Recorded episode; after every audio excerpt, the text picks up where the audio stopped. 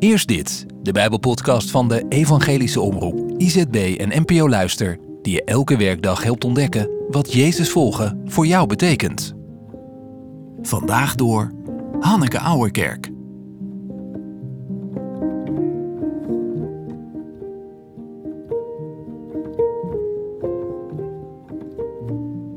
We lezen verder uit Hebreeën 6, vers 13 tot 20. Toen God aan Abraham zijn belofte deed, kon hij bij niemand zweren die hoger was dan hijzelf. En dus zwoer hij plechtig bij zichzelf.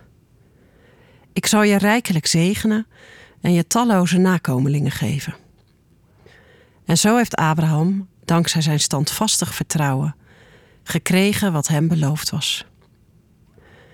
Mensen zweren altijd bij iemand die hoger is dan zijzelf. En met hun eed bekrachtigen ze de waarheid en beëindigen ze elke twist. Toen God de erfgenamen van de belofte ervan wilde doordringen hoe vast zijn voornemen was, stelde hij zich op dezelfde manier met een eed garant. Zo heeft hij ons met twee onherroepelijke daden krachtig moed willen inspreken. En dat God liegt, is uitgesloten. Het is onze toevlucht vast te houden aan de hoop op wat voor ons in het verschiet ligt. Die hoop is als een betrouwbaar en zeker anker voor onze ziel. En reikt tot voorbij het voorhangsel, waar Jezus als voorloper al is binnengegaan, ten behoeve van ons. Hij is hoge priester voor eeuwig, zoals Melchizedek.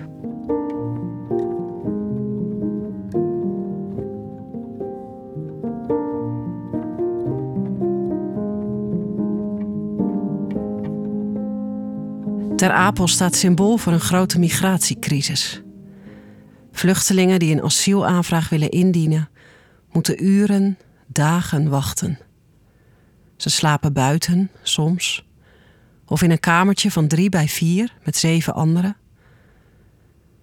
Het is de inzet geworden in een heftig politiek debat.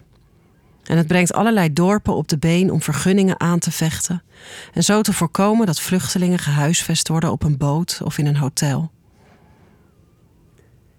Ik vraag mij af hoe dat werkt, wat hieronder ligt en wat ik zelf zou doen wanneer in mijn directe omgeving een hotel een plek wordt voor gevluchte jongens en meiden, uitgeputte mannen en vrouwen.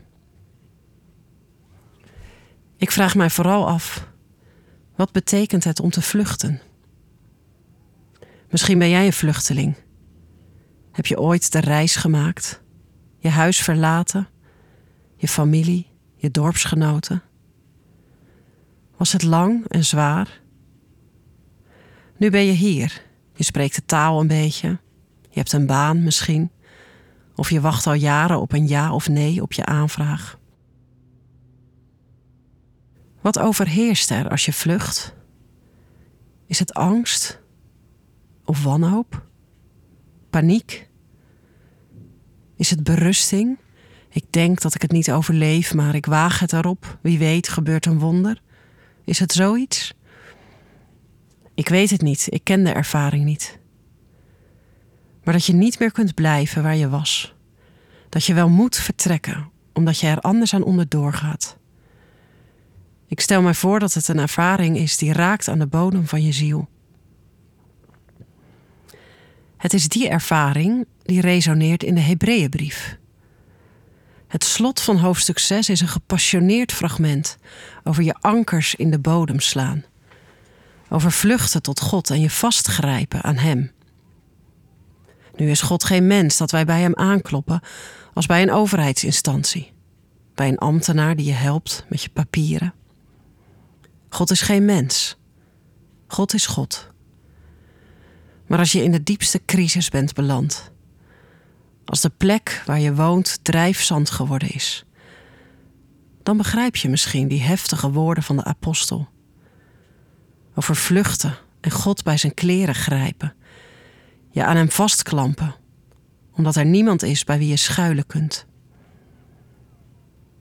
En als een vluchteling op je pad komt, een familie, iemand die een schuilplaats zoekt, Wie weet is het Jezus zelf die bij je aanklopt. Ik was een vluchteling en ik mocht bij jou in huis.